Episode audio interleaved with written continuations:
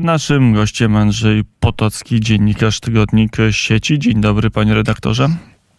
E, witam serdecznie. E, Porozmawiamy o Ukrainie, ale najpierw trochę o Polsce, bo szpiegomania narasta. Między innymi Platforma, ale też część dziennikarzy wraca do nagrań e, z Sowy, z Amber Roomu i uznało, że klęska Platformy i PSL-u w roku 15 to nie był demokratyczny proces, to był spisek i to spisek uknuty na Kremlu. Jak pan redaktor myśli, po co, dlaczego, jakie będą efekty wracania do afery sprzed 8 lat i szukania wyjaśnień swojej klęski jeszcze sprzed poprzednich wyborów? Koncepcja wygrania wyborów y, ze strony opozycji jest, że tak powiem, prosta, y, jak budowa cepa, którym posługiwał się Łukaszenka w swojej młodości, pracując y, w kołchozie. To jest mniej więcej ten poziom, ten poziom argumentacji.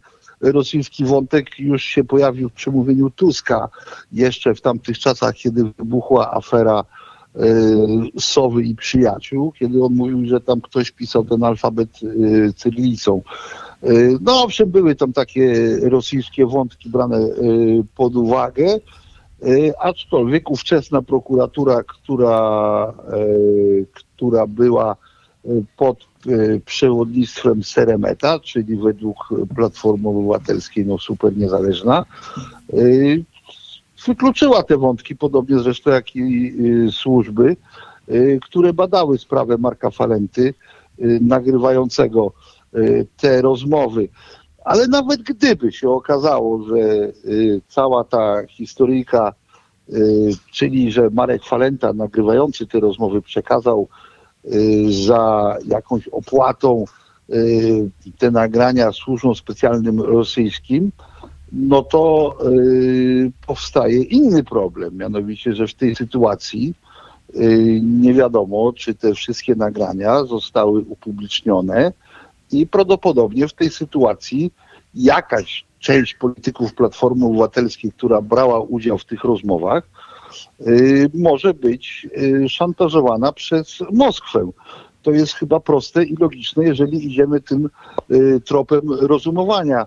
Y, w związku z tym Platforma sama sobie piłuje gałąź, na której siedzi bo są takie zdania, Artur Łącki, mało znany, ale najbogatszy z kolei poseł Koalicji Obywatelskiej, więc może to, że jest mało znany mu nie przeszkadza dzięki tym pieniądzom w robieniu polityki. Napisał, że żyjemy, z, od wczoraj żyjemy informacją, że nagrania usowy stoją ruskie służby, skoro pojawiły się pogłoski, że obce państwo może stać za braną rządu PiS w roku 15, to każdemu z nas należy się wyjaśnienie, a odpowiedzialni za to muszą zostać postawieni przed sądem no to pan poseł chyba nie połączył dwóch kropek, bo odpowiedzialni za to w takim wypadku e, byliby minister Sienkiewicz czy premier Tusk e, i szefowie służb, czyli generał Pytel, który ostatnio dziwne rzeczy mówi, generał Nosek, także nominowany przez Tuska i cała inna wierchuszka ze służb specjalnych z nadania Platformy Obywatelskiej. Nie wiem, czy posłowie Platformy sobie z tego zda, sprawę zdają. Albo zdają sobie, sobie, tylko myślą, że my sobie nie zdamy z tego sprawy. Oni sobie chyba z tego nie zdają sprawy, a myślą, że, że my też sobie z tego nie zdajemy sprawy. Myśmy, my w tym sensie, że po prostu ludzie, którzy myślą logicznie, bo tu po prostu wystarczy choć trochę logicznego myślenia, czego brakuje y, opozycji, w szczególności przywódcom Platformy Obywatelskiej, którzy konstruują tego typu y, operacje. Y, że to niby zostało wybory wygrane, bo była afera Sowy i przyjaciół. Mijam już y, takie drobnostki jak to, y, jak styl rządzenia Platformy, który de facto spowodował spowodował, już nie mówię o tych malwersacjach i o tych wszystkich historiach, które były, bo to wszyscy znamy, y, który spowodował to, że to PiS wygrał wybory. Natomiast afera tutaj y, podsłuchowa, no też miał jakiś wpływ na te wybory, ale nie aż na tyle wielki. A już nie mówię o tym, że, że za tym stały służby specjalne Rosji, które w ten sposób chciały opalić rząd Platformy. Czyli ja rozumiem, że Platforma twierdzi wbrew zdrowemu, zdrowej logice i rozsądkowi, że zapisem stoi Moskwa.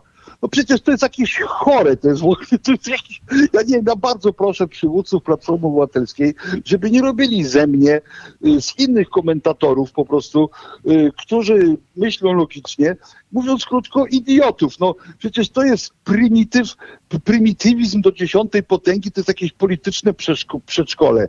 Przecież jak było z Falentą, wszyscy doskonale wiedzą, może nie wszyscy, ale jakaś tam część ludzi. Facet został skazany akurat za rządów Prawa i Sprawiedliwości. Y, PiS od niego się odcinał zawsze y, i jakieś tam były próby pod tytułem, że tutaj Falenta, prawda, próbował, że on tutaj dla PiSu zrobił dobrze publikując te nagrania, czy powiedzmy sobie u, u, u, upowszechniając je, a tak naprawdę to chodziło tam de facto yy, dokładnie o co innego, aniżeli o końcowy efekt, bo to jeszcze nikt nie przypuszczał, że to będzie miało taki wydźwięk, yy, że PiS wygra yy, wybory. Jednym słowem, PiS się od Falenty zawsze odcinał. Natomiast jak już wspomniałem, i to jest tutaj klucz tej całej, yy, te, tego całego po prostu idiotyzmu, że yy, Platforma yy, wmawia, przywódcy Platformy wmawiają ludziom, że y, to za tym wszystkim stały służby specjalne. Okej, okay, rosyjskie. Jeżeli tak, to w takim razie najbardziej są narażeni politycy Platformy, którzy od tamtej pory mogą być szantażowani przez te służby. Powiem, to oni brali udział w tych nagraniach, to na nich są te nagrania y, i y, te nagrania, które teoretycznie były niepublikowane, bowiem za nimi stały te służby, w związku z tym nie ma co ich publikować, bowiem w ten sposób trzyma się tych przywódców Platformy za, za twarz, yy, patrząc z punktu widzenia Federalnej Służby Bezpieczeństwa, czyli, czyli sił specjalnych, czyli, czyli, yy, czyli Służby Bezpieczeństwa Rosji, no to przepraszam bardzo, to chyba nie PiS, tylko Platforma ma tutaj z tym problem, a dokładnie problem ma yy, państwo polskie, które prawdopodobnie jest infiltrowane według tego, co mówią polityki, politycy Platformy przez agentów FSB, którzy mają haki na przywódców Platformy. Przecież to jest tak logiczne jak, y, i proste, jak już na początku wspomniałem, jak budowa cepa, którym posługiwał się w młodości Aleksandr Łukaszenka. Coś więcej, wydaje mi się, że dalej nie ma sensu komentować. No to panie że skoro jesteśmy przy Łukaszence i budowie cepa, Białoruś chyba szykuje się, żeby po raz kolejny, po raz wtóry wziąć aktywny udział w napaści na Ukrainę, wspólne ćwiczenia takie dość agresywne, nawet jak na, bardzo agresywne jak na Łukaszenkę wypowiedzi e, wobec NATO, wobec Ukrainy, do tego wojsko e, białoruskie kopie okopy na granicy z Ukrainą, szykuje się i do ataku, i do obrony, ale może też robi takie głębie strategiczne, żeby móc się poruszać na tym przyszłym froncie możemy już powiedzieć, że, że jakiś, jakaś decyzja zapadła, że te wszystkie ruchy by świadczyły, że Białoruś swoimi wątłymi na rynek istniejącymi siłami postanowi ruszyć na Kijów?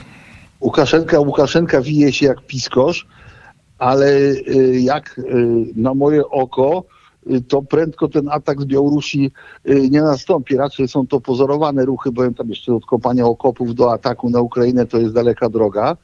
Y, tym bardziej, że okop jako taki w swoim założeniu raczej ma y, założenia obronne, a nie atakujące. Y, okopy to owszem tam mają, ale Ukraińcy i to parę linii tych okopów, do tego wszystkiego pola minowe, do tego wszystkiego granica jest dosyć poważnie strzeżona. Tutaj zachodzi parę pytań, które może nam tą sytuację bardziej rozjaśnią.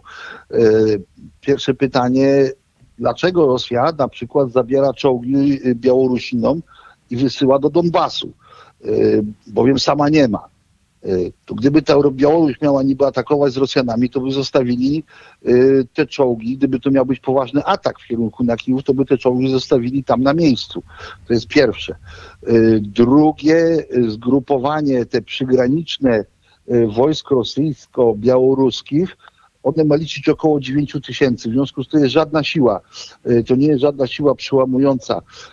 Co najwyżej, weźmy jeszcze jedną rzecz pod uwagę, że wszelkie koncentracje wojska przy granicy z Ukrainą nie ulegną, e, nie ulegną obserwacji, raczej inaczej są obserwowane przez amerykańskie i nie tylko amerykańskie, ale także tych firm, które, które współpracują z armią ukraińską, satelity.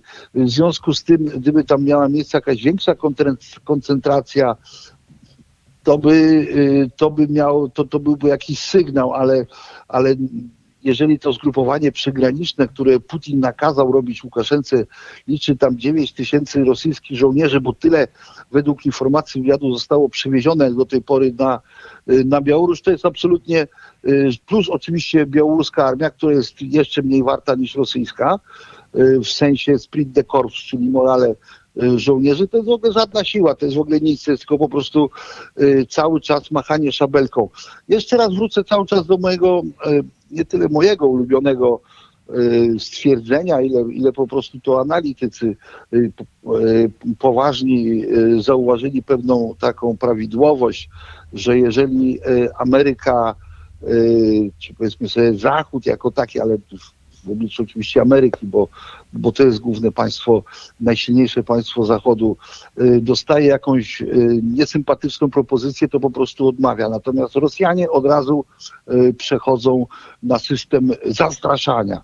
To jest ich doktryna. W związku z tym oni mają to zastraszanie we krwi. To jest jeszcze od czasów komunizmu, nie wiem jak za cara było i za ochranę, ale okej, okay. już tak daleko nie ma sensu sięgać.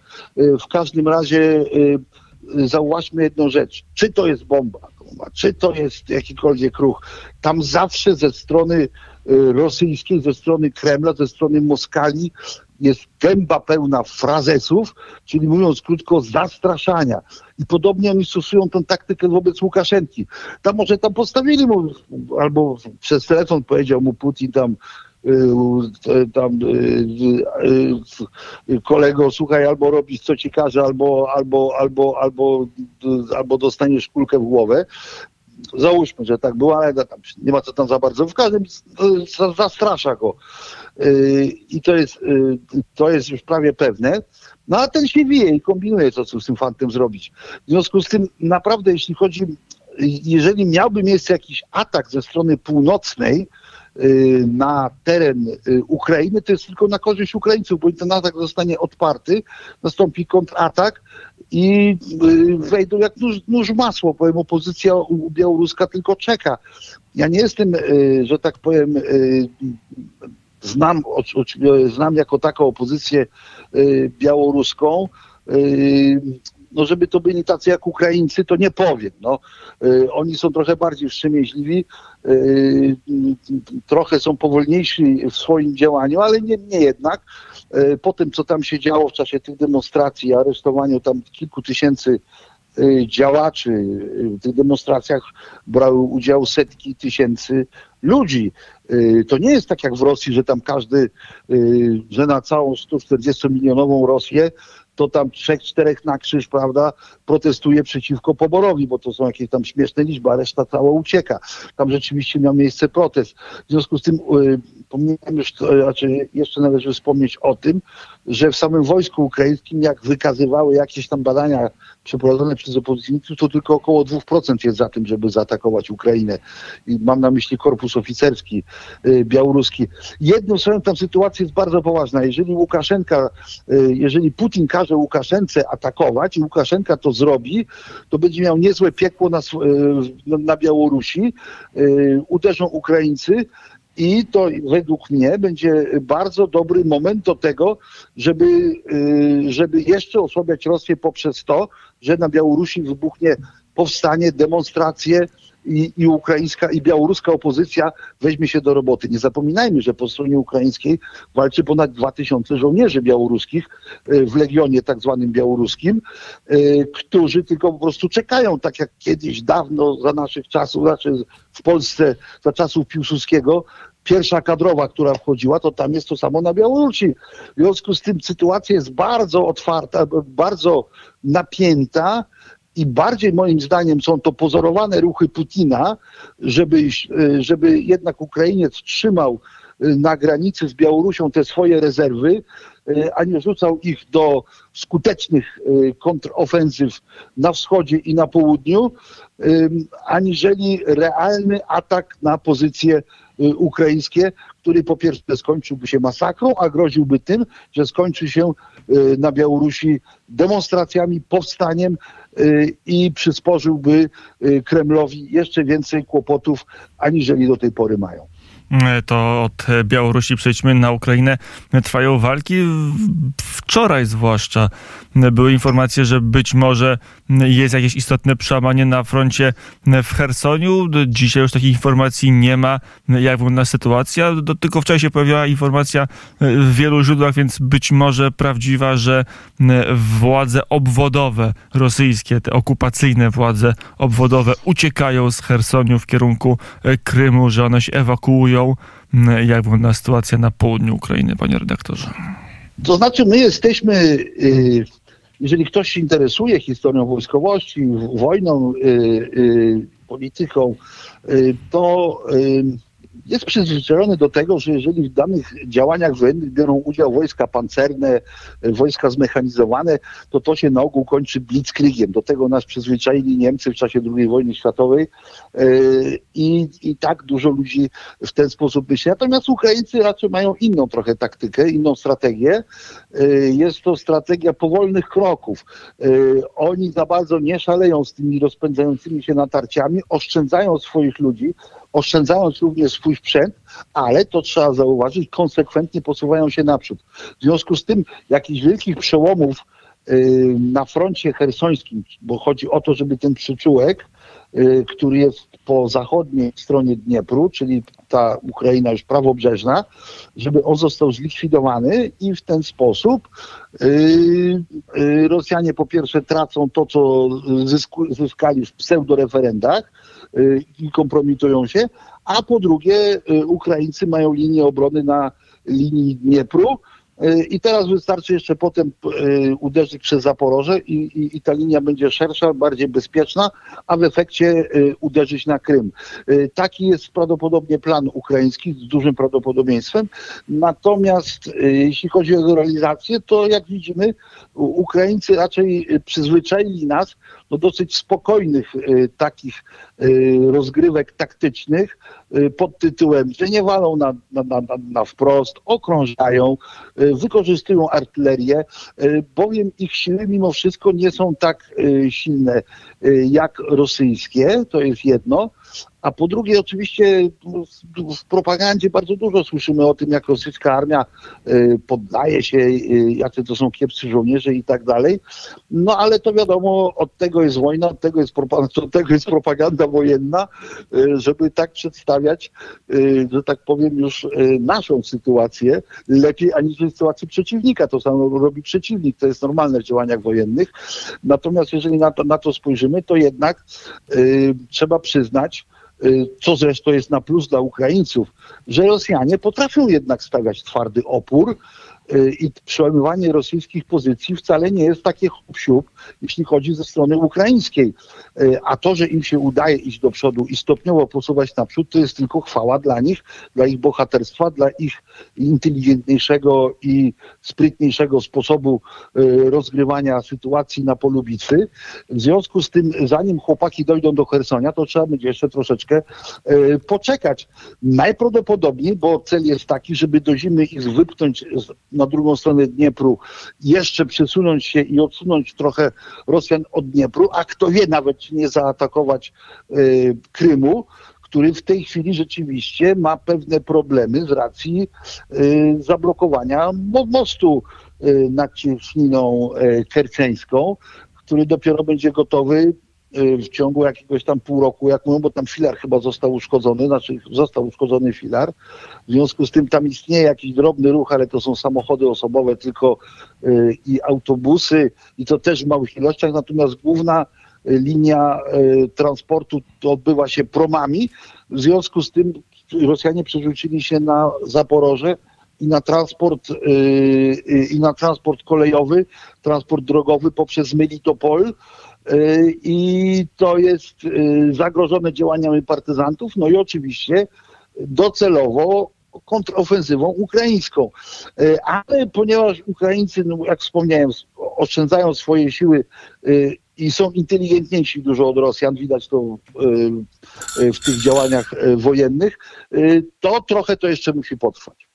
E, To e, jeszcze inna rzecz, która musi na froncie e, potrwać, czyli mobilizacja.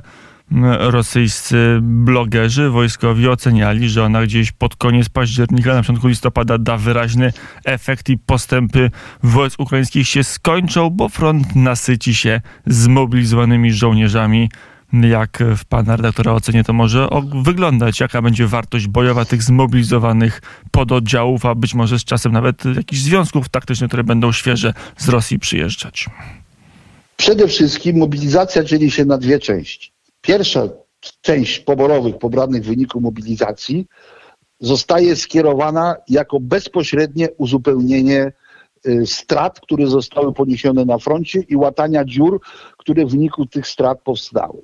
W związku z tym tych ludzi trzeba, no oni mieli tam 10-15 lat broni w ręku, nie mieli, w związku z tym trochę się zmieniły, zmieniły warunki pora walki, w związku z tym ich szkolenie trwa stosunkowo krótko, bo to jest około y, tak żeby żołnierz mniej więcej mógł uzupełnić. y, Mam na myśli oczywiście piechotę, nie jednostki specjalistyczne typu, y, typu wojska pancerne, typu, y, typu artyleria i tak dalej. Y, To wymaga tak pi razy około, około y, kilku tygodni, kilku do dziesięciu Ale tygodni. ci ludzie już trafiają na front zmobilizowani po kilku No dniach bo, często. bo, bo to jest tak zwana ruska robota. No przecież Ruski normalnie nic nie zrobi na całe szczęście, bo dzięki temu przegrywają. Przecież to druga armia świata nie bez powodu przegrywa tę wojnę. Otóż właśnie dlatego, że nie stosują y, tego typu y, normalnej roz, y, ponieważ nie umieją stosować sztuki wojennej albo nie, albo znaczy nie, nie umieją tak. Y, A druga kwestia to jest y, kwestia tych rezerw, które zostaną y, skierowane do tworzenia związków operacyjnych. I teraz, żeby wyszkolić taki związek operacyjny, czyli te rezerwy, trzeba przeszkolić na szczeblu batalionu, pułku, na szczeblu dywizji, nie wspominając już, a czy na szczeblu brygady, nie wspominając już dywizji, a już w ogóle o armii to nie mówię. I to trwa mniej więcej co najmniej pół roku.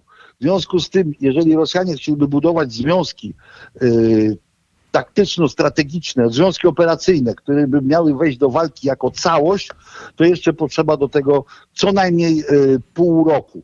Natomiast wszystko, co idzie wcześniej, to jest wszystko mięso armatnie, które jest do wykoszenia, które nie ma większego znaczenia, bo od tego jest broń maszynowa, od tego jest artyleria, y, żeby tych biedaków, którzy tam y, trafią po prostu na rzeź. Czyli jednym y, słowem wykosić. mobilizacja znacząco... Ukraińska, ukraińska maszynka do mielenia mięsa w tym momencie dostaje pożywkę. E, Czyli tutaj żadnych istotnych pana redaktora zda- zdaniem zmian nie będzie. Andrzej Potocki, dziennikarz, tygodnik sieci Portal w Polityce, był gościem popołudnia wnet. E, Panie redaktorze, dziękuję bardzo za rozmowę. Dziękuję bardzo. Jest godzina 17.